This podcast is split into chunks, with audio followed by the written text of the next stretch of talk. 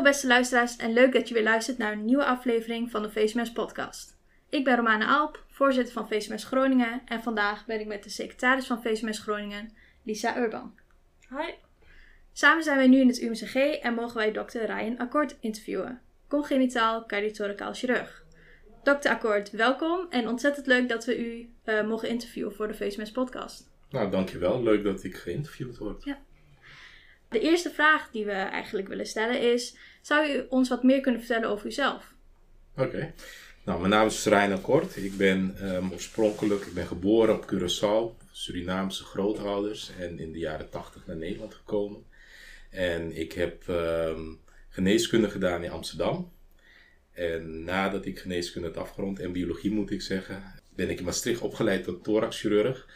Um, toen heb ik nog een korte periode in Canada gezeten. En toen ben ik daarna naar Groningen gekomen en daar heb ik mijn super specialisatie tot kinderhartchirurg gedaan. En sinds een paar jaar ben ik op het afdelingshoofd van de kinderhartchirurgie. Wauw. En hoe bent u eigenlijk op dit uh, specialisme gekomen? Ja, dat is, gaande, het is gaandeweg zo ontstaan. Ik wist uh, tijdens mijn studie dat ik chirurgie heel leuk vond. Ik wist dat ik cardiologie ook wel heel interessant vond. Um, op een bepaald moment um, ben ik dus naar Maastricht gegaan. Daar ben ik in aanraking gekomen met de thoraxchirurgie. En ik vond die combinatie wel heel leuk. En um, toen ik die opleiding eenmaal afgerond had, heb ik nog getwijfeld. Ga ik, blijf ik thoraxchirurgie doen of wil ik me toespitsen tot de congenitale? En ik had toen um, al een stage gedaan, drie maanden. En toen had ik wel door van ja, dit is wel echt heel leuk. Maar het is wel heel lastig om ertussen te komen. Uiteindelijk is dat op een bepaald moment gelukt. En ja, nooit spijt van gehad eigenlijk. En die stage die, waar je het net over had, dat was op de congenitale cardiothoracale chirurgie? Ja, het is zo dat als je thoraxchirurgie doet, of uh, cardiothoracale chirurgie moet ik zeggen, dan um, was het vroeger zo dat je drie maanden stage liep bij een afdeling kinderhartchirurgie. En aangezien niet alle centra thoraxchirurgie ook kinderhartchirurgie doen, moest je dat soms extern doen. Ik ben toen vanuit Maastricht naar Rotterdam gegaan. En um, nou, drie maanden lang daar op een kamertje gezeten en met ja, heel veel gezien, heel veel gedaan. En nou, toen wist ik wel van ja, dit is wel een heel mooi vak. Alleen dan ga je weer terug naar Maastricht en dan ga je weer hele andere chirurgie bedrijven. En dat, ja, dan laat je het weer een beetje voor wat het is. En toen aan het eind van mijn opleiding kwam er, um, was er een vacature. En toen zei mijn opleider van, nou, misschien is dat wel iets voor jou. Alleen zij zochten toen iemand die al um, ervaring had, klaar was als thoraxchirurg en een paar jaar ervaring had. En ik was nog niet eens klaar met mijn opleiding. Nou, toen heeft hij gezegd, nou, je moet toch maar solliciteren. Heb ik gedaan. En toen, tot een verbazing ben ik toen aangenomen. Alleen ik heb toen later wel bedankt voor die plek. Dat was ook in Groningen. En ik ben toch eerst naar Canada gegaan. Omdat ik dacht van nou, die extra ervaring kan geen kwaad. En nou, toen ik eenmaal in Canada zat, hebben ze me weer benaderd dat die plek er hè, dat nog steeds was. En of ik interesse had. En toen heb ik het wel gedaan. En uiteindelijk achteraf ben ik ook blij met die route. Het is geen korte route, maar um, al die ervaringen die je al die jaren opdoet, dat, dat helpt je wel. Ja, nu dat je eenmaal bent waar je wilt zijn in je carrière. Ja, ja heel mooi om te horen. Nou, ik vroeg me af, want u vertelt, um, u heeft eigenlijk die, ja, die baan aangeboden gekregen. Mm -hmm. Maar u bent verder niet uh, gepromoveerd en die PhD gedaan. Mm -hmm. Hoe heeft u zich toch kunnen onderscheiden van de andere uh, sollicitanten? Nou, ik, ik denk dat um, de pech die ik had in het begin, toen ik, ik wist van kinds af aan al dat ik geneeskunde wilde doen. Alleen um, in die tijd was het zo dat je, ja, het lotingssysteem was net anders. Kon je gewoon enorm veel pech hebben. En dat was dus bij mij het geval. Ik heb, uh, ben toen biologie gaan studeren. Tweede jaar dacht ik van nou, nu moet het wel goed komen. Weer niet gelukt. En pas in derde, begin van derde jaar ben ik toen nageplaatst. Want toen wist ik wel van nou, ik heb wel een paar jaar verloren ik heb toen uiteindelijk wel gezorgd dat ik um, altijd iets extra's deed. Dus um, biologie afgemaakt, altijd met onderzoek bezig geweest of uh, speciale dingen, extra dingen, stages, noem maar op. En op een gegeven moment merk je dat dat wel gaat meewerken. En um, nou, dat is dus niet alleen maar promotie, hè, maar dat kan ook zijn dat, hè, het werk wat jullie doen in een, uh, in een vereniging of uh, ja, als researchassistent ergens mee helpen. Maar als je maar iets extra's doet, niet alleen staat het goed op je cv, maar je maakt ook contacten die je eventueel kunnen helpen om ja, op de plek te belanden waar je uiteindelijk wil belanden. Dus, uh, en soms moet je niet per se de kortste route nemen, maar moet je ja, ook wel even jezelf wat tijd gunnen om ja, iets anders te doen. Ehm, en dan zal je uiteindelijk ehm, merken dat dat ook weer het jaartje dat ik naar Canada ben geweest, het is wat mij betreft een van de meest waardevolle jaren. En ik ben blij dat ik toen dat wel gedaan heb, terwijl het als ik voor zekerheid had willen gaan, ja, dan was ik gelijk naar Groningen gekomen. Uiteindelijk is het een jaar geweest waar ik heel veel aan heb, maar ook mijn werkgever, omdat ik daar weer andere ervaringen heb opgedaan. Ja. En was het in Canada ook anders dan in Nederland? Ja, het, het was, um, het was een van de meest leerzame uh, aspecten was dat de gezondheidszorg daar gewoon heel anders is ingericht. En het grappige is, toevallig vandaag hadden we het over een aspect wat ik ook uit Canada eigenlijk goed ken, is dat um, hier in Nederland hebben we een intensive care probleem. Wij hebben er als kinderhartchirurg ook een, een, een last van, hè, want in de winterperiode hebben heel veel kinderen virussen, RS-virus, noem maar op. En dan kunnen wij de electieve operaties, de geplande operaties, kunnen niet altijd uitvoeren op het moment dat we dat willen, omdat er geen IC-bedden zijn. In Canada was het zo dat zij heel flexibel met die bedden omgingen. Daar was het zo dat een verpleegkundige, die kon de ene dag op de intensive care staan, de volgende dag zag je haar op de afdeling of op de hartkatheterisatie. Um, dat was omdat zij daar hele flexibele contracten hadden. Een deel daarvan was ja, wat we hier zouden noemen ZZP'er, maar zij hoorden dus uh, begin van de week van nou deze week sta je op IC. En wij zijn daar een beetje meer star in in Nederland, maar dat maakt wel dat wij veel moeilijker omgaan met um, variaties in ja, zorgbehoeften. En dat is iets wat mij toen is opgevallen. Ik was daar toen totaal niet mee bezig, maar nu in mijn huidige functie, ja, dan denk ik wel van ja, eigenlijk zijn dat wel aspecten. Hoe kunnen we dat hier toepassen?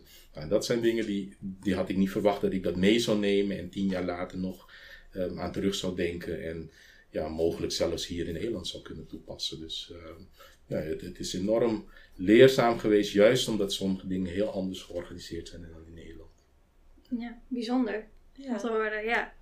U had het over dat u een lange weg heeft bewandeld. Hoe lang bent u precies bezig geweest met de hele opleiding? Oh ja, ik, ik, uh, zou ik echt moeten gaan, gaan rekenen. Weet ik niet exact, maar ik moet ook zeggen dat het vanaf het moment dat je geneeskunde af hebt, dan alles daarna heeft ook niet, eh, heb ik niet ervaren als een opleiding met een begin of einde. Zelfs het vak waar ik nu in zit, het moment waar ik nu in zit, um, leer ik wekelijks weer dingen bij. En um, moet ik me continu weer in nieuwe aspecten gaan verdiepen. Ja, we zeggen ook altijd voor de congitale uh, hartchirurgie is de officiële fellowship is drie jaar. Dus nadat je al specialist bent, nog drie jaar om specifiek voor de congitale aspecten bij te leren. Maar normaal gesproken ben je tien jaar bezig totdat je alle varianten en alle bijzondere aandoeningen een keer gezien hebt. Dus ja, in dat opzicht eindigt die opleiding ook nooit.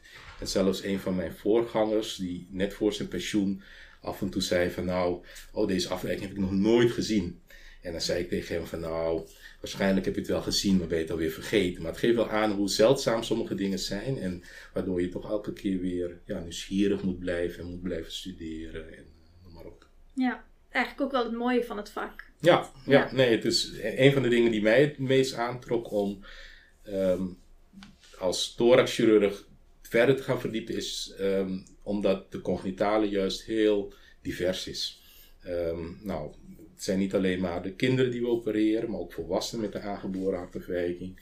Dan is het zo dat we in Groningen ook uh, dus longoperaties doen, omdat wij in Nederland het enige centrum zijn die longtransplantaties bij kinderen doet. Um, doen wij ook alle andere chirurgie daaromheen. Dus dat maakt dat er zoveel variatie zit, um, ja, dat je nooit echt verveeld kan raken. Mhm. En dat is, uh, dat is absoluut een van de grote voordelen. Ja. En u noemde net al um, dat u kinderen ziet qua patiënten en ook volwassenen. Mm -hmm. wat is nou eigenlijk het meest voorkomend en welke leeftijd? Ja, dus het aparte is dat um, de, als ik zeg, de volwassen chirurgie, zeg maar, dus wat de meeste thoraxchirurgen doen, daar heb je een paar grote groepen. Je hebt de bypassoperaties en de aortaklepoperaties. Het bijzondere van de congenitale is dat er heel veel verschillende aandoeningen zijn, heel veel verschillende operaties en die komen allemaal relatief weinig voor. Dus als ik moet noemen, wat is de meest voorkomende operatie, dan is dat bijvoorbeeld een pulmonaalklepoperatie. Maar dat is tien keer per jaar. Nou, dus dat is nog steeds niet veel. Dus, ehm, maar toch leer je ehm, op een andere manier opereren. Ik hoef niet een operatie elke week uit te voeren om hem, al is het één keer per jaar, om hem uit te, uit te kunnen voeren. Dat betekent dat ik me iets beter moet voorbereiden, even goed door moet lopen. Hoe ik ehm, dat uh, dit keer ga doen. ik zoek soms mijn oude operatieverslagen terug, te kijken wat ik daar heb opgeschreven.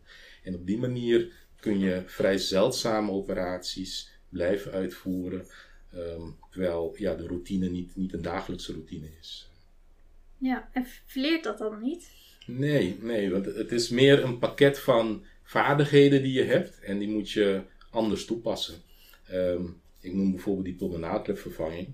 Het lijkt in bepaalde aspecten op een aortaklepvervanging. Alleen er zijn ook weer aspecten die weer meer weg hebben van hoe je een ventricle defect zou opereren. Dus het is elke keer een mix van vaardigheden die, die anders moet toepassen. En dat maakt dat als je tijdens de operatie een verrassing hebt, hè, een diagnose die niet bekend was, dat je als congenitaal chirurg, denk ik, um, vrij snel kan schakelen.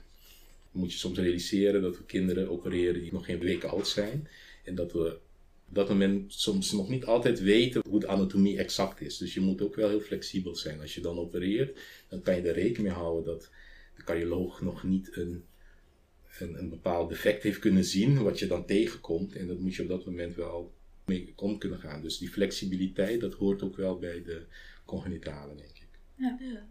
En uh, u opereert dus op kinderen en volwassenen. Mhm. In welk opzicht is dat nou anders? Um, ja, heel veel opzichten wat ik net vertel. Hè, dat je bij die kinderen soms wat verrassingen kan verwachten, omdat lang niet alles bekend is. Um, heel veel van de hartafwijkingen die gaan samen met syndromen. Vaak duurt het nog weken, nog maanden voordat we de, uh, geneticus heeft kunnen vaststellen van nou, dit is het syndroom wat erbij past, terwijl het wel van invloed is op um, de risico's rond de operatie. Dus kinderopereren is meer een, een, black box met wat verrassingen. Um, nou, bij kinderen heb je echt te maken met ouders en hoe die het ervaren. Het zijn jonge ouders, vaak een eerste kind die overrompeld worden met allerlei emoties en dingen die voor hun nieuw zijn. En daar moet je als chirurg ook uh, op een bepaalde manier mee omgaan. Terwijl je ja, met volwassenen, dan praat je echt met, met de patiënt zelf. En die, daar kun je ook hele lange gesprekken mee voeren. Maar dan, ja, dat is weer net anders dan ouders, bezorgde ouders. Nou, zo zijn er nog een aantal verschillen. Het zijn um, ja, toch wel totaal verschillende patiënten, patiëntenpopulatie, die um, ja, het ook weer aantrekkelijk maken, denk ik. Mm Ja, en wat zijn dan de uitdagingen? Want u noemde net al met de kinderen, dan ja, moet je mhm. eigenlijk met de ouders en met uh, al die emoties. Um, zijn er nog meer uitdagingen voor u? Ja, um, nou, het, het, is zo dat een aantal van de afwijkingen die kunnen heel ernstig zijn. En die zijn in principe niet met het leven verenigbaar. En daar proberen we samen met de cardiologen dan ja, oplossingen voor te bedenken. Maar desondanks kan het soms uh, niet goed gaan. En ik denk dat dat een van de moeilijkste zaken is. Als je ondanks alle inzet en alles uh, toch niet goed met het kind uh, afloopt. Mm. Um, en ja, dat neem je wel mee naar huis. Dan ben je wel echt een paar weken, ja, baal je daar enorm van. Um, en ook met het hele team. Hè? Want het gaat echt niet alleen maar om die operatie. Als ik een perfecte operatie uitvoer, maar het kind heeft daarna longontsteking en redt het niet, dan voel ik me even rot als. Uh, mm. ja, uh, dus, dus in dat opzicht denk ik dat dat het moeilijkste is en dat dat een aspect is wat ook niet echt wendt. Dus ook al doe je dit vak 10, 20 jaar, je zal nog steeds, uh, ja, je raakt zo betrokken bij het, het kind en de, de ouders, dat dat je wel wat aandoet. Ja. Ja. ja, kan ik me echt wel voorstellen. Ja. Welke uh, operatie vindt u het meest uitdagend? Um, ja, ik, um, dat is moeilijk te zeggen. Ik denk, de, categorie die het meest uitdagend is, maar dat vinden de meesten, zijn de neonaten. Dus de pasgeborenen. En dat kan kind zijn van een, nog geen kilo tot aan 4 kilo. En die hebben soms wel grote operaties nodig. En dat vergt wel voor alle mensen in zo'n keten van zorg alle aandacht. Dus um, ik moet een perfecte operatie uitvoeren. De perfusionist die de hart-longmachine bedient, die moet op de details letten. De anesthesist En als je dan um, alles goed gaat en het kind heeft een mooi beloop, um, volgens plan kan hij wakker worden en um, ja, gaat naar huis, nou, dan geeft dat wel enorm veel voldoening aan het mm. hele team. Ik denk dat dat de categorie is die het meest kwetsbaar is en daarom ook het meest uh, uitdagend, ja. denk ik. Ja. ja. En u vertelde net over die hart-longmachine. Mm -hmm. wordt elk kind, of, of zeg maar elk volwassene waarbij dan zo'n operatie wordt gedaan, uh, wordt daarbij het hart stilgelegd? Um, dat wisselt. De meeste aandoeningen die wij moeten corrigeren, is dat wel nodig, omdat dat ja, structurele hartafwijkingen zijn. Um, en vaak een combinatie daarvan, die, die eigenlijk bijna allemaal, um, ja, moet je echt in het hart opereren, moet je mm -hmm. bypass uh, uh, machine gebruiken. maar ooit is de hartchirurgie, um, en dat is bijvoorbeeld in Groningen, 75 jaar geleden is de eerste ductusoperatie hier uitgevoerd. En dat is een van de ingrepen die ook levensreddend was, maar waarbij je eigenlijk um, ja, alleen een extra vat dicht hoeft te maken. Dat is een van de eerste ingrepen die hier is uitgevoerd, 75 jaar geleden. En toen was de hartlongmachine nog niet eens ontdekt. Ja. En in die tijd was het dus ook dat men allerlei manieren zocht om um, structurele afwijking te corrigeren zonder dat men nog de beschikking had over hart-longmachine. Dat, dat, heeft enorme um, ja, creativiteit van de chirurg toen verlangd. Maar tegenwoordig ja, is de hart-longmachine ook wel onze vriend. We kunnen mm. goed omgaan met de nadelen en de bijwerkingen. En de operaties duren ook niet heel lang. Dus de nadelen die ze daarvan ondervinden, die, die zijn redelijk beperkt. Oké. Okay. En u zegt de operaties duurt niet lang. Hoeveel, hoe lang duurt zo'n operatie? Ja, dat is ook weer relatief, hè? want um, een echt correctie die, ja, die zal vaak 5, 6 uur duren. Waarbij een, we de periode waarop het hart zelf stil wordt gelegd proberen te minimaliseren. Ja. Hè? Dus we proberen de operatie zo in te delen dat je uh, wel alles kan doen, maar dat de periode dat het hart um, echt stil ligt beperkt is en bovendien ook het hart goed beschermd is. Dus we koelen de patiënt, we geven uh, vloeistoffen die het hart goed beschermen. En wat je tegenwoordig meestal ziet is dan als het hart weer zelf gaat kloppen, dat hij even krachtig dat weer doet. En dat was uh, 20, 30 jaar geleden zeker niet vanzelfsprekend. Mm. Daar moest, het, moest men echt doorwerken om te zorgen dat elke minuut um, dat de operatie langer duurde, was de kans dat de patiënt het zou herstellen ook minder groot. En, nou, we zijn wel zo ver gekomen dat we ja, uh, goed werk kunnen leveren en de tijdsdruk iets minder is. Ja, ja. mooi om te horen. Mooie ontwikkeling uh, ja, maakt het door. Absoluut. Ja. Ja, wat heeft in uw loop aan eigenlijk de meeste indruk op u gemaakt? Heeft u iets wat u voor altijd zal bijblijven? Ja, zeker. Er, zijn, er is een hele hoop casuïstiek die uh, bijblijft. Maar juist omdat het weer zo specifiek is, is het weer lastig om dat te beschrijven. Hè, als ik rekening hou met de privacy. Maar in zijn algemeenheid, een van de dingen die ik elke keer weer vind, is dat kinderen die een transplantatie ondergaan, bijvoorbeeld een, een kinderlongtransplantatie, um, vind ik het altijd bijzonder hoe je, um, dan maken we kennis met het gezin, met het kind en ouders. Um, dan screenen we, kijken of het kind geschikt is om ooit een transplantatie te ondergaan. En dan misschien maanden, soms zelfs jaren later, dan zie je elkaar weer als chirurg, als er aanbod is vaak midden in de nacht, dan zie je aan hun, aan alles dat ze hals over kop naar het ziekenhuis zijn gekomen. Hmm. Dat is uit heel Nederland. Hè. Het kan iemand zijn die in Limburg was en een aanbod krijgt en met spoed naar Groningen komt. Je ziet aan hun de spanning van, nou ja, hè, hopelijk uh, krijgen we straks groen licht en zijn die organen goed en dan gaan we eraan beginnen. Um, en dan, ja, dan komt er een lange operatie en dan de volgende dag, of tenminste op het moment dat je de ouders dan al informeert van nou het is allemaal goed gegaan, dat is, maakt indruk. Maar met name op het moment dat je het kind voor het eerst weer zelf ziet ademen en met het kind kunt praten. En dat is uh, anders dan andere operaties, is het iets wat zich soms over jaren kan, uh, dat, uh, kan duren voordat we eindelijk die behandeling kunnen toepassen. Um, en ja, overrompelt het iedereen. Hè? Iedereen die, die voelt die spanning van, nou ja, hopen dat die organen goed zijn, hopen dat de operatie goed gaat. Um, dus dat, dat vind ik wel elke keer een van de spannendste uh, operaties eigenlijk. Ja. ja. Ja. heel indrukwekkend. Ja, ja, absoluut. Doet u dan ook veel van dit soort operaties per jaar? Um, dit, uh, kinderlandoperaties zijn er niet veel. Dat is de reden waarom we het in Nederland ook zo georganiseerd hebben dat één centrum dat doet. Hè. Wij doen alle uh, transplantaties voor heel Nederland en dat zijn er dan ja, eh, drie of vier per jaar eh, bij kinderen.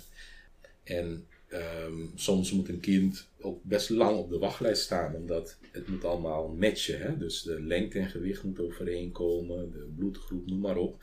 Ehm, en soms hebben ze ook pech, dan worden ze opgeroepen, hals of kopie naartoe. En dan op het laatste moment blijken de organen niet goed te zijn. En ja, dat is een enorme teleurstelling. Hmm. En daar leef je wel mee, je, je, leeft wel mee met de patiënten. Dus als het eindelijk dan zover is dat alles op groen staat en we de operatie kunnen doen, nou dan is iedereen ook al opgelucht terwijl we dan nog moeten beginnen. Hmm. Ja, dus uh, ja. Ja, u had het eerder al over uh, de ontwikkeling die het dus doormaakt, de, hmm. het specialisme. Um, in hoeverre is het eigenlijk veranderd ten opzichte van vroeger? Ik denk dat de belangrijkste verbeteringen van de afgelopen 20 jaar um, zijn daar details geweest. Maar al die details bij elkaar opgeteld maken dat de resultaten echt beduidend uh, vooruit zijn gegaan. En dat de meeste kinderen die met de aangeboren hartafwijking worden geboren, um, volwassen kunnen worden, oud kunnen worden, normaal gezinsleven kunnen leiden. Mhm. Um, en, en, en, soms moeten ze wel opnieuw geopereerd worden, maar zelfs die nieuwe operaties kunnen met een relatief laag risico. En ja, dan zijn de issues waar we dan mee bezig zijn van ja, um, kind heeft ooit een tetralogie van Fallot gehad bijvoorbeeld, moet nu een pulmonaalklepvervanging krijgen. Um, heeft nog een kinderwens, uh, hoe houden we daar rekening mee? Uh, nou, noem maar op. En ja, dat is waar we denk ik nu, nu wel staan qua vakinhoudelijke. Um, de overleving is beduidend beter geworden en we proberen ook het aantal nieuwe interventies te minimaliseren. En als het kan, proberen we daar een minimaal invasieve toegang voor te vinden. Dus een klep via de lies of via een kleine incisie. Nou, dat zijn allemaal um, ontwikkelingen die nog gaande zijn en waar de patiënt denk ik ook nog wel in de komende jaren heel veel profijt van gaat uh, ja. hebben. Ja. ja. zeker. Dan wilden we het graag ook nog over iets anders hebben, mhm. namelijk diversiteit binnen de chirurgie en binnen de afdeling. Mhm. Ja, ik vroeg me eigenlijk af, wat is de mate van diversiteit hier binnen de afdeling of binnen de chirurgie in het algemeen? Ja, ik, ik denk dat um, dat de thoraxchirurgie, wat mij altijd is opgevallen, dat daar best wel wat diversiteit zit. Als ik, uh, we hebben, uh, het zijn um, een beperkt aantal opleidingsassistenten die er altijd zijn, landelijk. En je hebt wel redelijk contact met elkaar. In de tijd dat ik opgeleid werd, wist je ook wel goed, je kende de verschillende mensen. En het viel me juist op dat het zo divers was.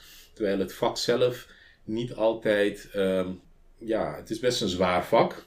Maar toch heb je in de loop der tijd gezien dat steeds meer vrouwen ook uh, uh, ervoor kozen.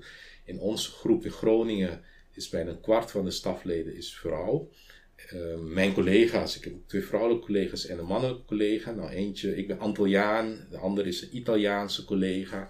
Dus ook qua um, ja, afkomst is er steeds meer diversiteit gekomen. En ik heb me altijd afgevraagd hoe dat nou kan. Dat dat juist bijvoorbeeld binnen Torxchirurgie, ik denk dat dat ook met die lange weg te maken heeft. Dat uiteindelijk de mensen die het heel graag willen, dat het dan wat minder relevant wordt waar je vandaan komt, maar meer ja, wat je ervoor over hebt gehad. Of je extra onderzoek gedaan hebt, of je, um, ja, je, je, je uithoudingsvermogen. Dat zijn allemaal aspecten die uiteindelijk uh, ervoor zorgen dat het niet uitmaakt of je man, vrouw bent, maar dat als je passie voor het vak hebt, dat je er wel komt. Ja, en ja. Dat, uh, ja, dat, ik denk dat dat gunstig is. Mm -hmm. ja. En ziet u dan ook bijvoorbeeld in, in, op de manier waar, waarop iemand werkt of de arts-patiëntenrelatie dat, dat dat uitmaakt? Bijvoorbeeld waar iemand vandaan komt of dat hij een man of een vrouw is? Um, nee, nou in positieve zin denk ik. Dat, uh, kijk, ook onze patiëntenpopulatie die is enorm divers. Maakt niet uit, uit wat voor sociale omstandigheden je komt. En ieder kan een kind hebben met een aangeboren hartafwijking. Um, dat maakt totaal niet uit. En dat vind ik op zich wel fijn. Ik heb ook wel op eh, afdelingen gewerkt waar je vooroordelen hoorde, maar ik heb dat eigenlijk niet zozeer um, ervaren. Men is zo begaan met het kind en met ouders dat het, dat, dat het allerbelangrijkste is. Mm. Um, en bovendien, omdat de kinderartschirurgie zo'n klein clubje is, nationaal, maar ook internationaal, merk je dat mensen um, best veel contact met elkaar hebben. Hè in de VS de meeste topklinieken. Daar zijn kinderchirurgen aan het werk die vaak elders zijn opgeleid. Uit Australië, Duitsland, Nederland. Als je goed bent in je vak, dan wil men je hebben. Mm. En dat is denk ik wel het, het uh, belangrijkste aspect wat, uh, ja, wat, wat ervoor zorgt dat er diversiteit is. Ja. ja. En denkt u dat er op dit moment nog uh, verbeterpunten zijn? Ja, ik, ik denk het wel. Ik denk dat een van de dingen die de komende jaren wel gaat veranderen, is dat we van oudsher was de, een kinderhartchirurg die was 24 uur per dag, 7 dagen in de week beschikbaar. Mijn voorgangers hebben met z'n tweeën bijna 30 jaar de zorg hier in Noord-Nederland verzorgd. Nou, wij zijn nu met z'n drieën. Dat is al een verbetering, maar dat is nog niet perfect. Hè? Dat betekent dat ik ook één keer in de drie weken beschikbaar ben, een week lang, een dienst heb. En zelfs als ik geen dienst heb, als mijn collega een probleem heeft, nou, dan zal ze mij bellen en dan gaan we elkaar helpen. In dat opzicht willen we in Nederland het wel beter organiseren. Dat de dienstlast wat omlaag gaat en dat maakt het um, ook wat vriendelijker om je gezinsleven ook op orde te hebben. En waarschijnlijk maakt het het ook wel aantrekkelijker voor uh, vrouwen om voor het vak te kiezen. Dus dat is denk ik een van de belangrijkste aspecten dat wij in de toekomst waarschijnlijk wel met minder centra willen werken. Het zijn op dit moment vier centra die kinderhartchirurgie doen. Waarschijnlijk willen we naar drie of twee centra. Grotere club, waardoor je ja, wat meer vrijheid krijgt om uh, buiten het vakgebied op congres te gaan en noem maar op. En dat, maakt het, dat gaat het aantrekkelijker maken, denk ik, het mhm. vak. Ja. Valt het dan nu wel te combineren met het gezinsleven?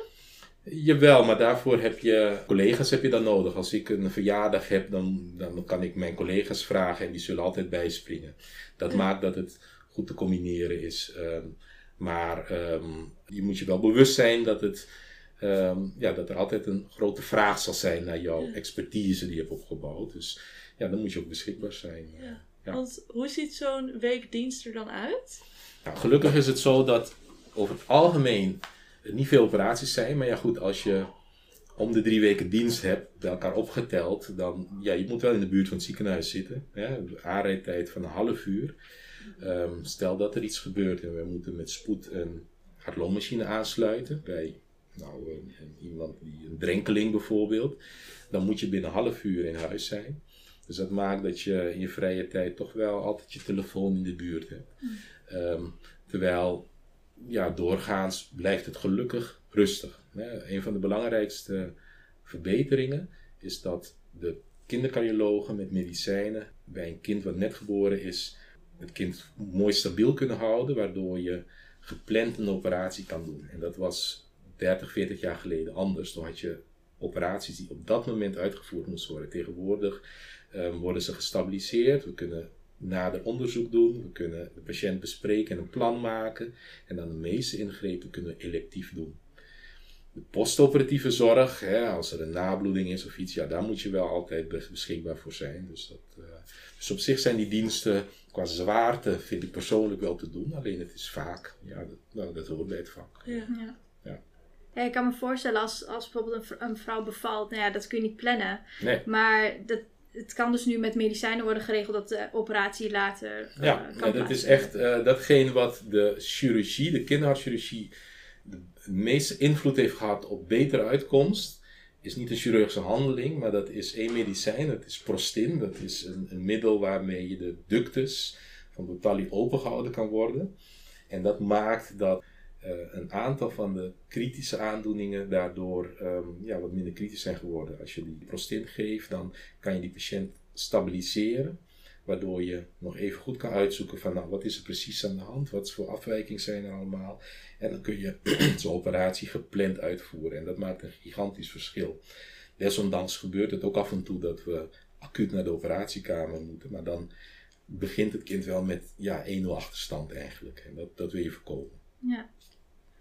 Nou, dan denk ik dat het tijd is om af te ronden. Dan hebben we nog een laatste vraag. Ehm, heeft u nog tips voor onder andere studenten van kleur bijvoorbeeld, mhm. eh, die een carrière ambiëren in de chirurgie of in de congenitale cardiothoracale Ja, ik zou zeggen dat je, ehm, het is gunstig als je al vroeg weet waar, wat je wil.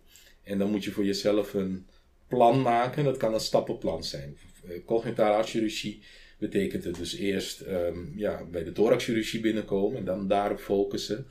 Als je na zo'n stage bijvoorbeeld erachter komt van nou, dit is wel echt een vak voor mij, dan moet je vooral gauw uh, contact zoeken met iemand, onderzoek daar gaan doen of andere functie daar extra gaan bekleden.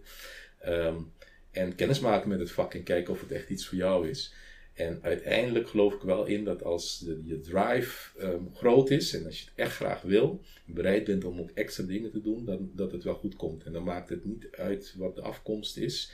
Je moet soms wel realistisch zijn als je ergens ziet van nou, ehm, hier is nog weinig diversiteit en ik heb niet het gevoel dat het... Uh, ik met open armen wordt ontvangen, ja, dan moet je niet koppig zijn en dan moet je misschien, dan wil je daar ook niet werken. Hè? Maar dus daar moet je wel realistisch in zijn. Maar ik denk dat ehm, dat met uh, doorzettingsvermogen ja, ieder kan belanden waar hij thuis hoort, denk ik. En wat hij, uh, doen wat hij wil. Ja, nou ik denk een hele mooie afsluiting van, uh, van deze aflevering.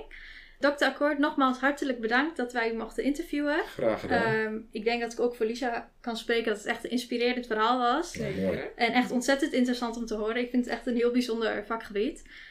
Verder wil ik de luisteraars nog bedanken voor het luisteren en tot de volgende keer.